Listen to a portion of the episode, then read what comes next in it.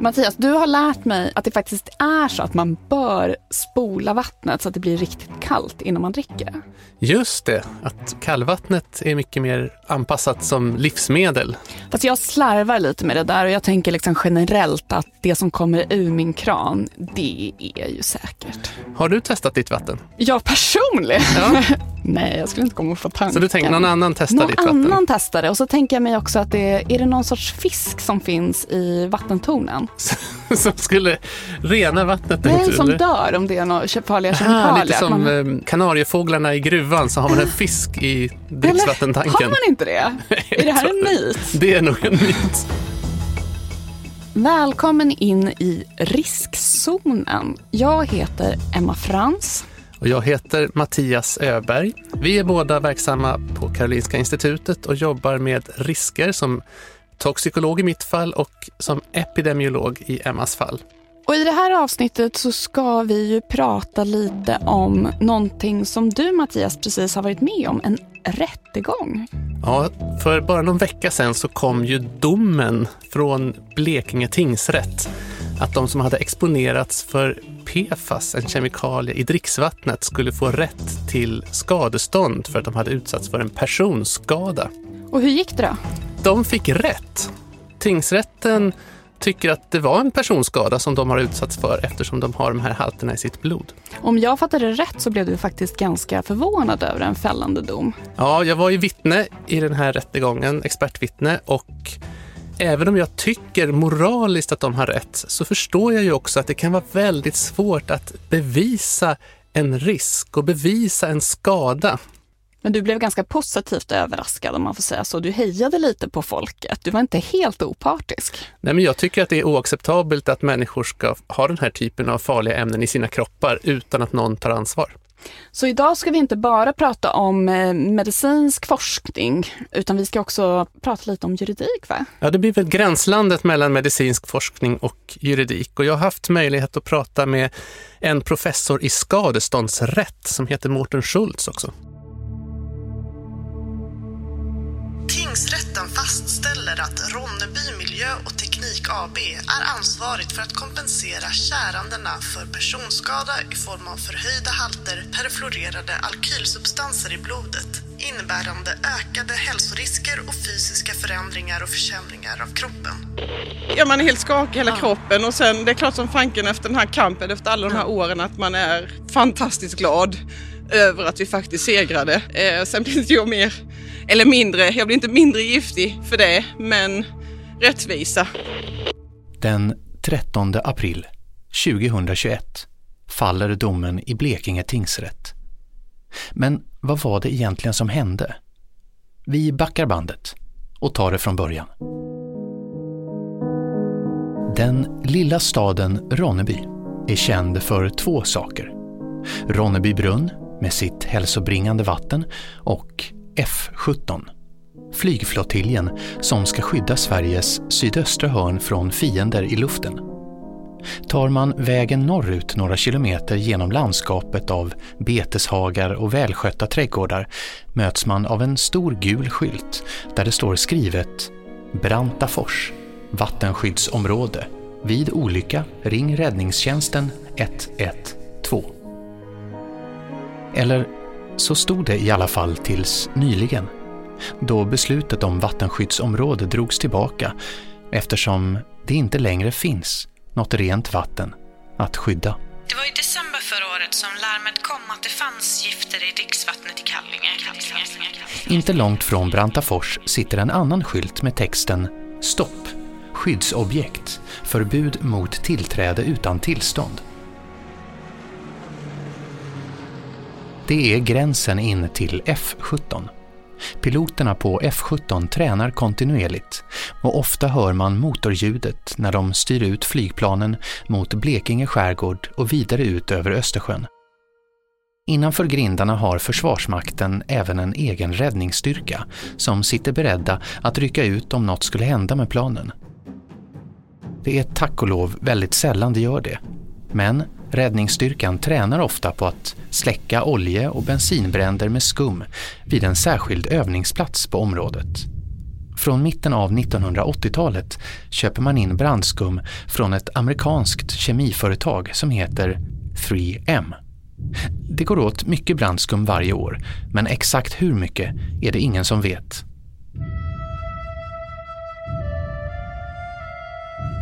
Sommaren 2010 är ovanligt varm och i Stockholm går några gymnasister en sommarforskarskola och ska lära sig kemisk analys. En av eleverna bor intill gamla F18 i Tullinge och tar med sig dricksvatten hemifrån för att analysera. Resultatet visar oväntat höga halter av perfluorerade ämnen, PFAS.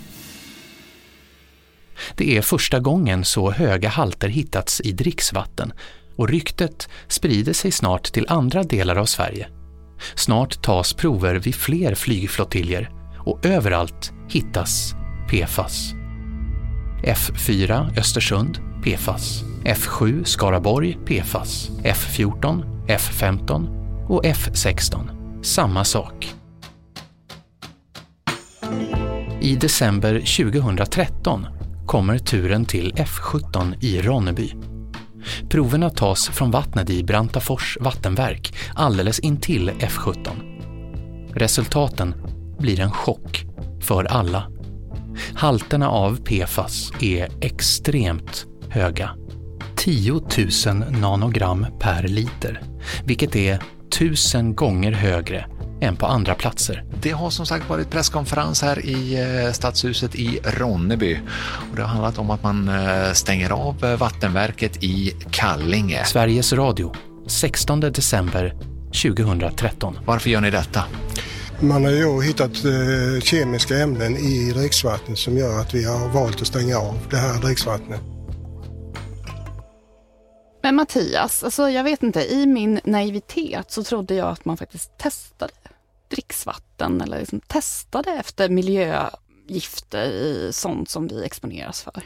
Det finns ju lite olika typer av vattentäkter. Dels har vi ju de stora, ofta kommunala vattenverken som producerar vatten och som har särskilda processer för att mäta vissa farliga ämnen i alla fall.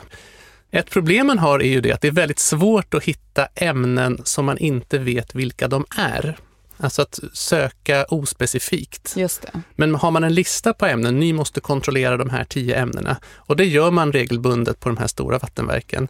De som För har... eh, Fluor har man väl till exempel mätt i olika typer. Det vet jag liksom att, eh, jag bor ju i Uppsala, där har vi mycket, alltså där har vi hårt vatten. Mm, mycket Eh, magnesium och kalcium. Och Men sånt. också fluor tror jag. Också fluor, det tror jag också man har i Uppsala. Ja. Så att man mäter en del av de här grundämnena för att se så att de ligger på vettiga nivåer. När jag var barn och bodde i Luleå, då fick man äta fluortabletter.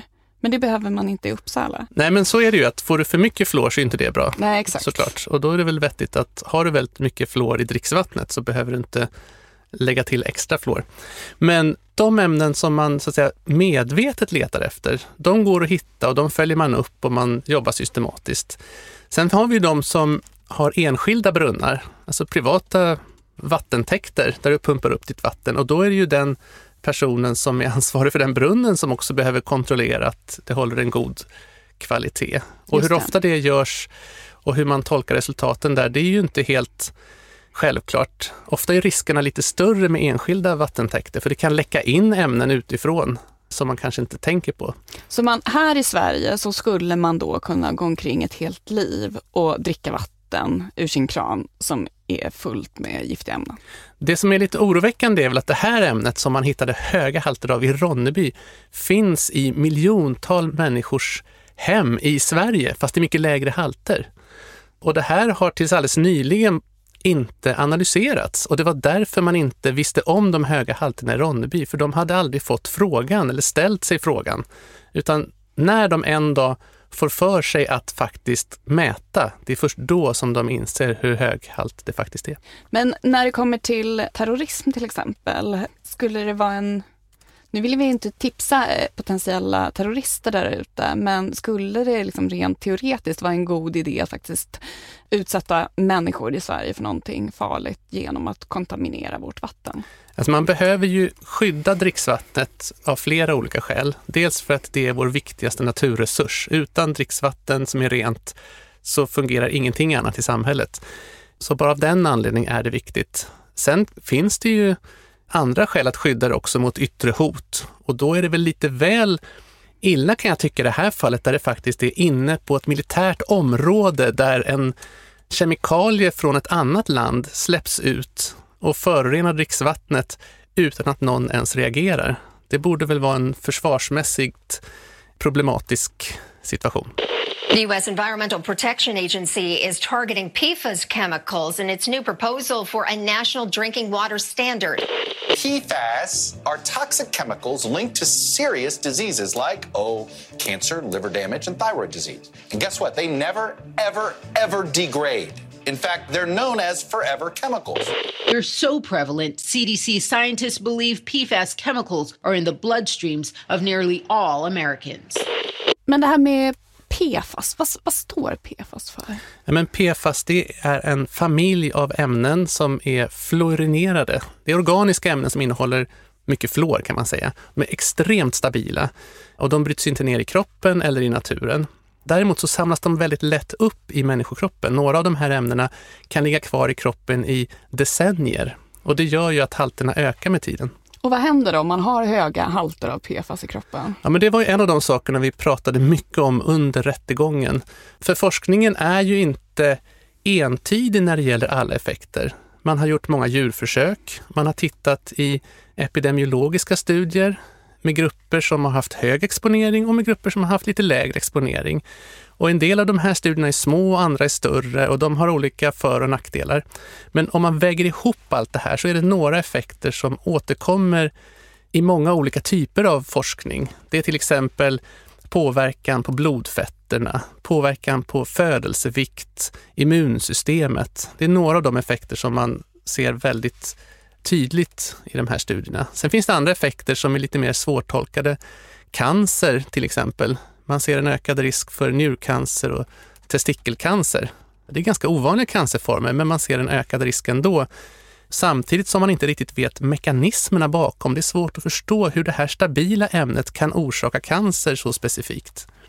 Så där är bevisläget lite svagare, men ändå ganska tydligt. Och sen finns det en hel rad med effekter som dyker upp i enstaka studier såklart. Men kan man slå fast att befolkningen i Ronneby har blivit utsatta för någonting skadligt? Det man kan slå fast, det är ju att de har blivit exponerade för det här ämnet, att de har det i sina kroppar. Man kan också slå fast att den koncentrationen när man tittar i andra studier har gett upphov till en del av de här hälsoeffekterna. Så det är ingen tvekan om att de har en risk. Men om man menar att man på individnivå med 100% säkerhet ska kunna säga att just din testikelcancer orsakades av den här kemikalien, det är ju jättesvårt. Det är närmast omöjligt till och med. Och frågan är vilket beviskrav man egentligen kan ställa på en drabbad. Måste den kunna bevisa det här bortom allt tvivel eller räcker det att göra det så att säga, tillräckligt troligt? Ja, det där är ju jättesvårt. Jag menar inom epidemiologin eller liksom klinisk forskning, där brottas vi ju hela tiden med just det där, hur påvisar vi ett orsakssamband? Och jag menar, då säger vissa vi måste göra en randomiserad prövning på det här. Och det är inte riktigt så man jobbar med miljömedicin. Nej, och även när du jobbar med en randomiserad prövning så tittar du ju på gruppnivå ofta. Mm. Medan i det här fallet så är det ju enstaka individer som du också måste kunna bedöma. Och det här är ju en jättesvår knut såklart för juristerna att försöka lösa. Hej, jag heter Mårten Schultz och är professor i civilrätt vid Stockholms universitet knuten till en enhet som heter Stockholm Center for Commercial Law. Jag har ju varit inblandad i det här caset som rådgivare så det är väl lika bra att vara fullt transparent med det då, eh, sedan sju år tillbaka. Jag pratade med Mårten Schultz lite om beviskraven, till exempel hur länge man ska behöva vänta på en skada innan man kan visa att det här faktiskt orsakar. Och hänger det ihop med preskriptionstider och annat?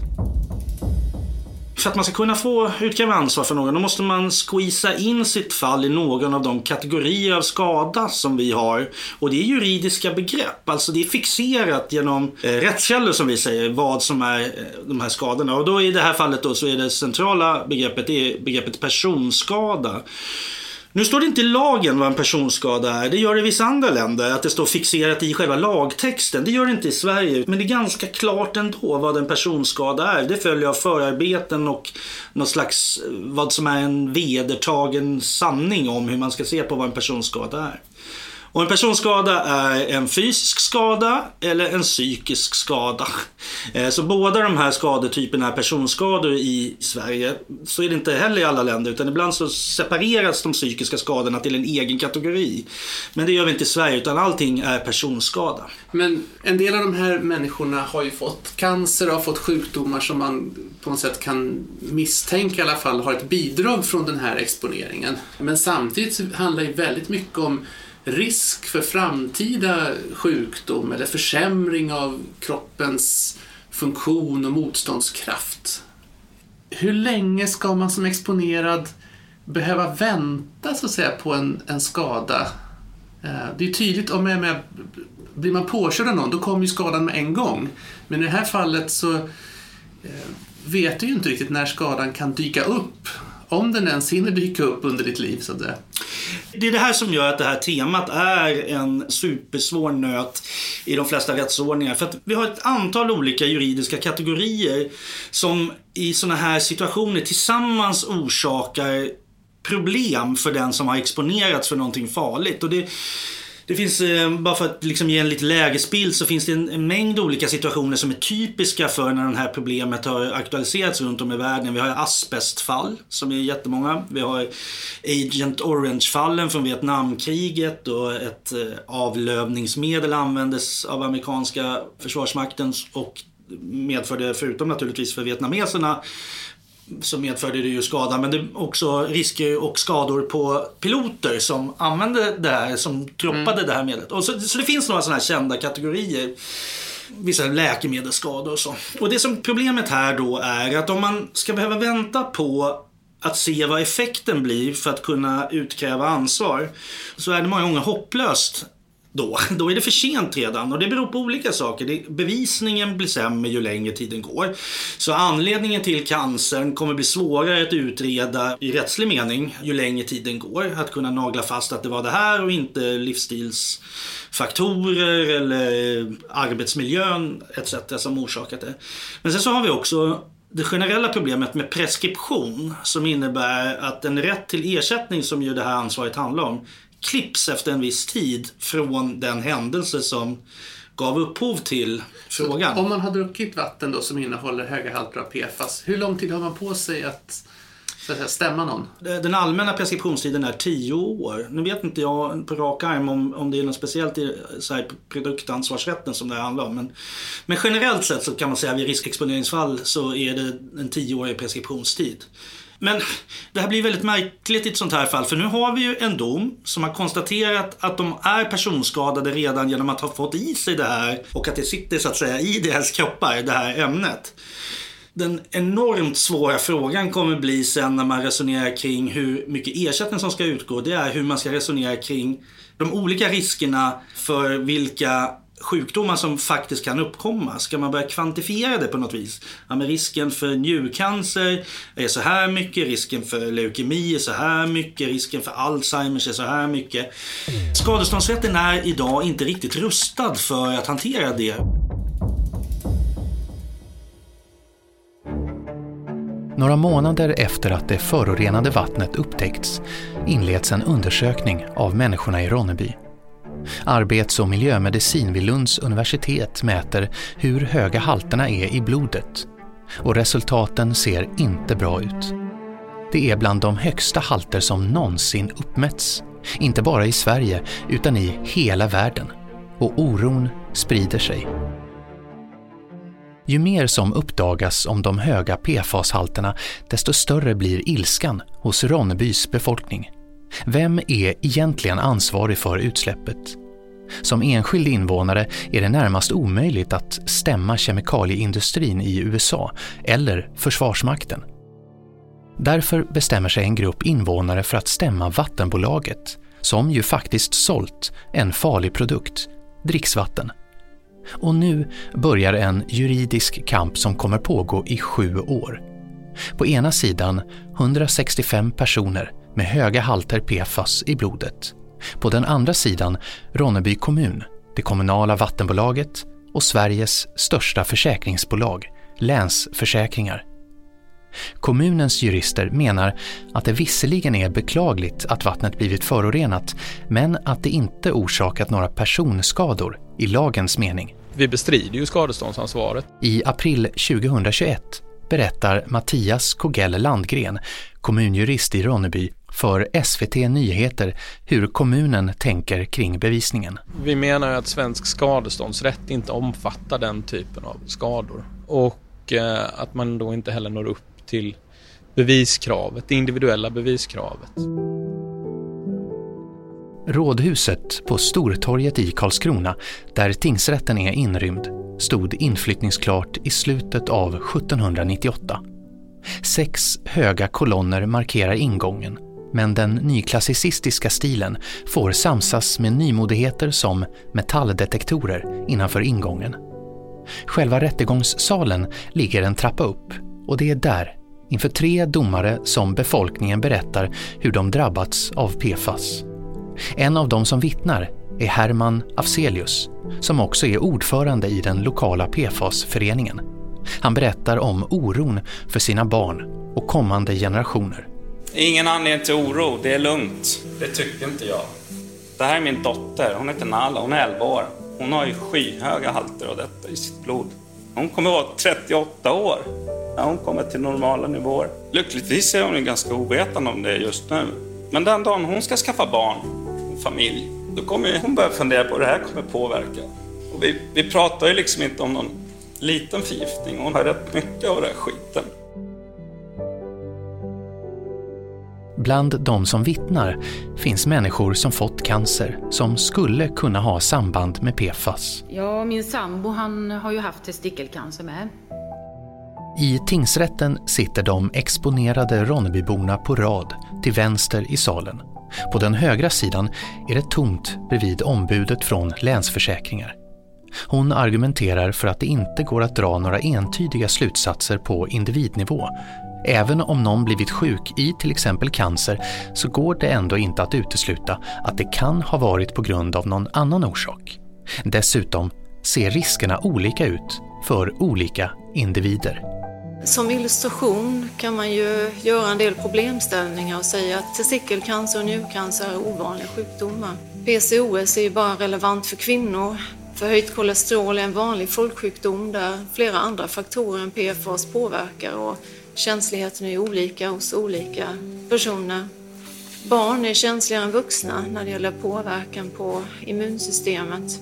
Och eh, det är svårt att säga att samtliga kärande är exponerade för alla dessa risker som vi talar om, negativa hälsoeffekter för. Det var ju väldigt tydligt i den här rättegången att så fort vi pratade om barnen, mm. barnens hälsa och hur det här kan påverka kommande generationer, så blev det väldigt tryckt stämning. Mm. Föräldrar som gråter tyst. Och i de här vittnesmålen så kommer det också fram hur viktigt det här är för föräldrarna, att de vill verkligen skydda sina barn och de känner att de har inte lyckats med det. Och de har inte vetat om den här risken. Vad, gör, vad är det som gör att oron för barnen alltid slår igenom så hårt? Alltså dels så är det väl de facto så att barn faktiskt har högre risk att drabbas allvarligt. Eller gravida kvinnor och sådär. Att blir man exponerad för någonting när till exempel hjärnan håller på att utvecklas så kan väl det här vara väldigt förödande. Mm. Ja, det är ett känsligt livsstadium. Det är mycket som ska anläggas och utvecklas. Men sen så är det ju det här som du är inne på, att man på något sätt, ens uppgift som förälder är ju att skydda sina barn mot faror och se till att de kan växa upp i en trygg och bra miljö. Man kanske också skuldbelägger sig själv för att man har bosatt sig på den här platsen. Barn kan ju inte själva välja vart de ska bosätta sig. Nej, jag vet att det var några av föräldrarna som också nämnde det här att ja, men vi har alltid varit så noggrant, de ska inte dricka läsk och onyttighet utan dricka mer vatten och så. Och sen får de det här då istället. Ja, det är fruktansvärt samtidigt, när man läser den här domen så är det tydligt att tingsrätten inte anser att den här typen av befogad oro, de skriver att den är befogad, ger rätt till ersättning, utan det verkar vara någonting som man förväntas så att säga, tåla. Jag frågade Mårten Schultz hur det kunde komma sig. Den typen av eh, känslomässiga reaktioner som ju är helt naturliga så, är vanligtvis inte någonting som ersätts. Så man, oro i sig ersätts inte. Saknad eller sorg ersätts inte i Sverige. Det gör det i många länder, men inte i Sverige. Så den typen av neddragna sinnesstämningar eller liksom helt mänskliga reaktioner ersätts inte. Utan det måste liksom vippa över till att bli medicinskt påvisbara psykiska skador. Så det är ett ganska fyrkantigt sätt att se på det här. Så, så sjukskrivning för depression, ja då, då hamnar man i facket. Många Okej. år. Eller psykoser, om man utvecklar liksom allvarliga psykiska sjukdomar, då, då faller det inom, inom den här kategorin. Men att gå omkring och vara ledsen och nedstämd, det ersätts inte. Men det kan ju vara lite svårt också att veta vart man ska rikta den här skulden. Varför stämmer de just vattenbolagen och inte kemikalieindustrin? Ja, det där är ju en fråga som känns lite märklig. För att det är så uppenbart att vattenbolaget har ju inte gjort det här med flit. De har ju följt de regelverk som fanns och en dag så upptäcker de att det har dykt upp ett giftigt ämne i dricksvattnet och då försöker de göra det bästa av situationen, det vill säga stänga av dricksvattnet så att befolkningens exponering ska upphöra. Och försvaret, ja men de har kanske varit lite mer slarviga. De har inte tagit reda på vad det är för kemikalier de sprutar ut i miljön. Men de har också följt rådande regelverk och tycker att ja, men vi köpte ju in det här i god tro. Och vi är ju vana att tänka så att det är någonting som man, man måste ha en intention bakom ett brott för att kunna bli dömd. Men just när det gäller produkter som dricksvatten och andra produkter så är det strikt ansvar. Det är lite som om du har en hund och den biter någon, så är du som hundägare ansvarig även om du inte har bussat hunden på någon. Alltså det är ju klart att jag lider med befolkningen i Ronneby, men samtidigt så känns det ju lite orättvist ändå mot vattenbolagen, för de gjorde väl ändå det de kunde.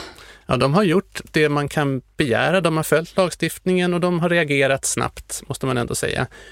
Men eh, det räcker ju inte. Om det är din produkt och den orsakar en skada hos någon annan så är du ansvarig ändå.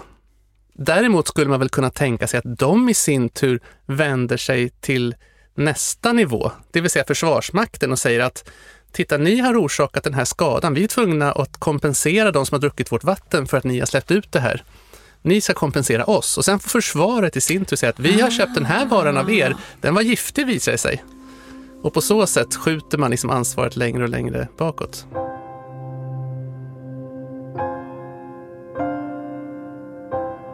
När rättegången inleds i februari 2021 är det den kallaste vintern i Karlskrona på många år. Isen har lagt sig mellan öarna i staden. Nere vid Sjöstridsskolan i hamnen står gubben Rosenbom staty utanför Amiralitetskyrkan. Det ligger ett tunt lager snö på hans hatt och det berättas att gubben Rosenbom var en tiggare som blev utslängd av stadens borgare och frös ihjäl en ovanligt kall vinter på nyårsnatten 1717. På Stortorget en bit bort har det bildats en liten kö utanför tingsrätten av personer på väg in genom porten.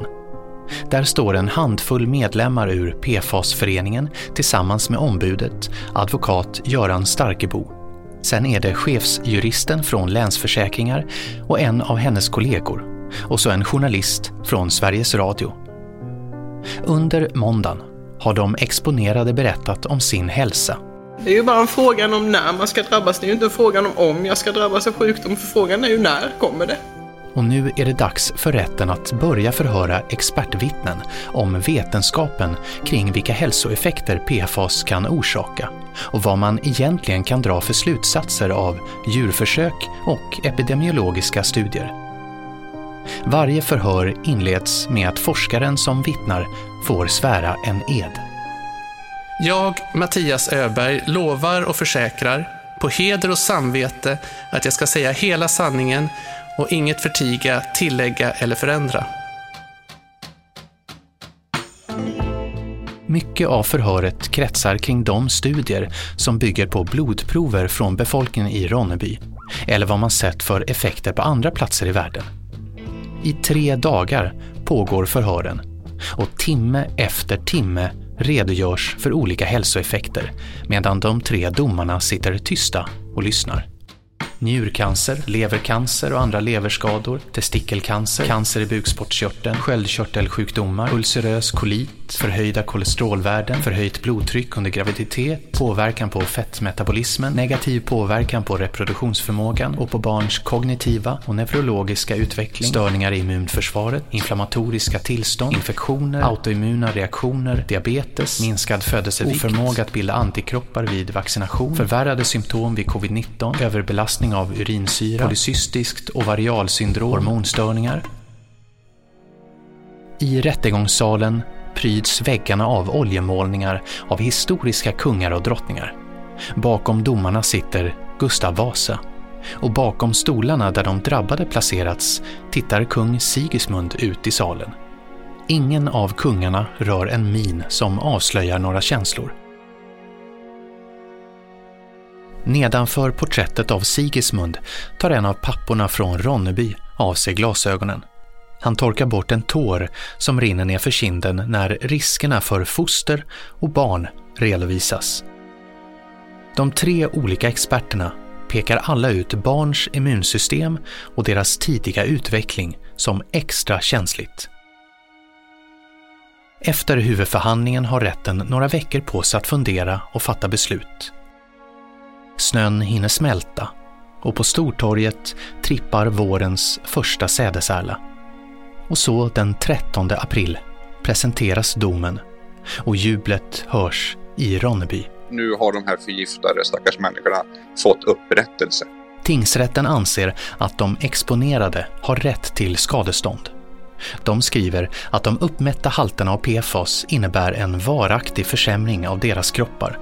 Det medför också en ökad mottaglighet för andra skadliga effekter. Rätten anser helt enkelt att de exponerade mår sämre än vad de hade gjort om de inte hade exponerats för PFAS. Tingsrätten anser till och med att man kan säga att Ronnebyborna har blivit förgiftade. Vi måste ju först och främst analysera domen ordentligt. Eh, se vad, hur domstolen argumenterar innan vi kan ta ställning till domen som helhet. Sveriges Radio, 13 april 2021. Kommer ni överklaga? Det ligger ju även i analysen. Vi måste gå igenom den eh, grundligt innan vi kan svara på det. Juridikens kvarnar mal långsamt och domen kan komma att överklagas. Men ibland händer det att gamla synsätt ändras och nya principer börjar gälla. Gubben Rosenbom till exempel, han som blev utslängd och frös ihjäl. Idag är han en av Karlskronas mest kända invånare och en del av Unescos världsarv. Men Mattias, hur är det att sitta där, liksom svära en ed, sitta där du satt där i många timmar va? Jag har inte varit på en rättegång tidigare och jag måste säga att jag varit lite förvånad. Jag visste inte att Sverige hade vittneseder. Det är lite som de här amerikanska filmerna. Ja, men man får fick inte du lägga handen på Bibeln? Nej, det var ingen bibel i rättssalen, Nej. utan det var liksom säg efter mig. Ja. Men eh, det var en rätt skakande upplevelse. Dels för att det tog lång tid. Hur många timmar? Jag höll på i sex och en halv timme. Fråga du på fråga på fråga. Du blev utfrågad i sex timmar? Ja. Det är ju värre än när man försvarar sin avhandling. Ja, men det är nog det närmaste jag har kommit faktiskt ja. i känslomässigt. Att man är otroligt laddad och man vet inte riktigt vilka frågor som ska komma. Och det är sånt enormt stort material. Det är ju liksom tusentals sidor och även om jag har jobbat och forskat kring det här, att förklara det för personer som aldrig har hållit på med toxikologi tidigare, det vill säga domarna i det här fallet, är ju en pedagogisk utmaning. Men jag var ju så att jag skakade efteråt, rent fysiskt så trött. Mm. Men det här att vara expertvittne, är det vanligt att forskare får den typen av roll? Jag vet inte hur vanligt det är, men jag tror att läkare till exempel ofta blir inkallade för att vittna om att en viss skada kan ha orsakats eller inte orsakats av någonting. Så jag tror att det är ganska vanligt att mediciner i alla fall hamnar i rättegångar på det här sättet. En del kanske gör det väldigt ofta om man är försäkringsläkare eller så. Men tvekade du när du fick frågan eller var du liksom redo på en gång att ställa upp? Jag svarade inte ja med en gång, utan jag försökte sätta mig in lite grann i underlaget. Samtidigt så tycker jag att vi forskare ska delta i interaktion med samhället. Eh, det är en av våra uppgifter också. Ja, men så är det. Högskolelagen är ganska tydlig på den punkten och då tycker jag ju att det ska inte bara vara myndigheter som har rätt att fråga om expertkunskap, utan även rättsväsendet måste ju kunna vända sig till oss som har ägnat så mycket tid åt att läsa om någon specifik sak, i det här fallet kemikalier och riskbedömning. Så att jag såg det väl lite grann som en plikt, inte för att vara advokat åt den här befolkningen, utan för att vara vad säger, en bra representant för forskningen. Är det någon som har ifrågasatt att du tackar ja? Jag har kollegor som tackar nej om de får den här typen av frågan. De tycker att man riskerar att bli jävig eftersom man kallas som vittne av den ena sidan normalt. Aha, och du var ju där för invånarna. Precis. Och de forskarna som har gjort mycket av studierna i Ronneby och följt och mätt blodhalter och utvärderar, de tackade nej till att vittna i rättegången. Och det kanske är klokt just för att de behöver behålla en mer neutral position. Just det, för att man ska liksom ta... Det är deras försökspersoner de här. Ja, just det. Vi var ju tre expertvittnen. Jag var den enda från Sverige. De andra två, den ena kom från Danmark och vittnade också på befolkningens sida. Och den tredje experten kom från USA och var då kallad av vattenbolaget. Men vi var väldigt överens. De flesta slutsatserna kunde vi alla skriva under på. Men när det gäller just det där att vara jävig, Påverkade det, tror du, din bedömning? Att du visste liksom att det var invånarna som hade bjudit in dig, de hade berättat sina personliga historier. Tror du att du kan ha påverkats på något sätt?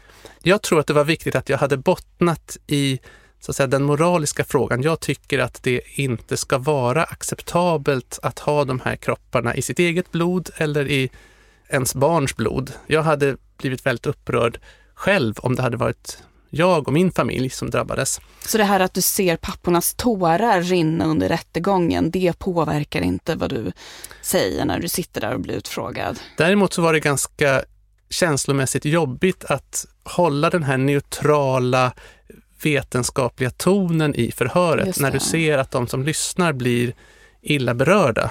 Att försöka vara väldigt kall och kylig åt båda hållen. Att både säga att den här effekten, där är forskningen inte så tydlig att vi kan säga att det finns ett samband. Det kan finnas ett samband, men forskningen har inte riktigt nått ända dit fram. Där jag för förstår att det talar till deras nackdel. Eller när jag pratar om att det här kan påverka inte kanske bara en generation, utan kanske två generationer. Det är ju så att när fostren utvecklas så påverkas ju även könscellerna som kommer att bli så att säga, barnbarnen. Men eh, att det här nu blev en fällande dom, vilket du inte var beredd på, betyder det att det här kan bli liksom vägledande även framöver när man ska bedöma den här typen av ansvar? Jag tror det och Mårten Schultz som jag pratade med, han nästan hoppades att den här domen skulle överklagas så att den når Högsta domstolen. Någon slags drömscenario för mig som forskare i skadeståndsrätt och dessutom passionerat intresserat av det även på fritiden, är att det här går till Högsta domstolen och att HD funderar kring om det behövs en speciell typ av ansvarsmodell för riskexponeringsfall av det här slaget. På det sätt som Högsta domstolen har gjort runt om i världen. Vi har berömda fall från Kalifornien, men vi har också asbestfall från England. Vi har så kallade Pertunchans fall ifrån Frankrike. Så det här är liksom ett tema som har dykt upp i rättsordningar runt om. Så det vore ju jag skulle ju helst vilja se att HD utvecklar en särskild modell för att kunna ge upprättelse till människor som har drabbats av det här. Så det här har helt klart möjlighet att bli ett prejudikat.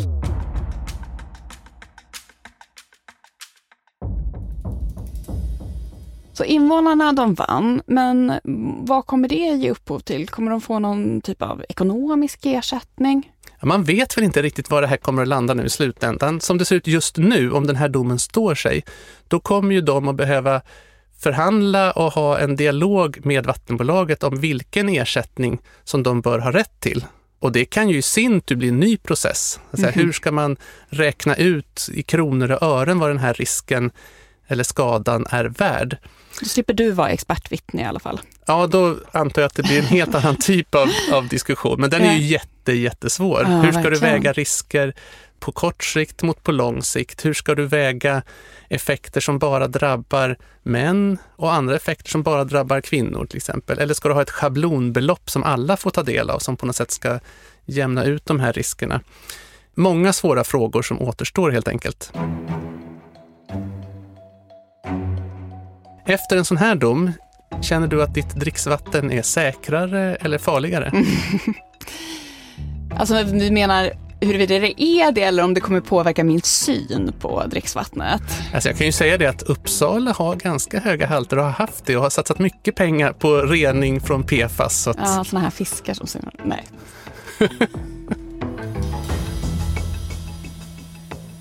Tack för att du har lyssnat på Riskzonen idag med mig Mattias Öberg.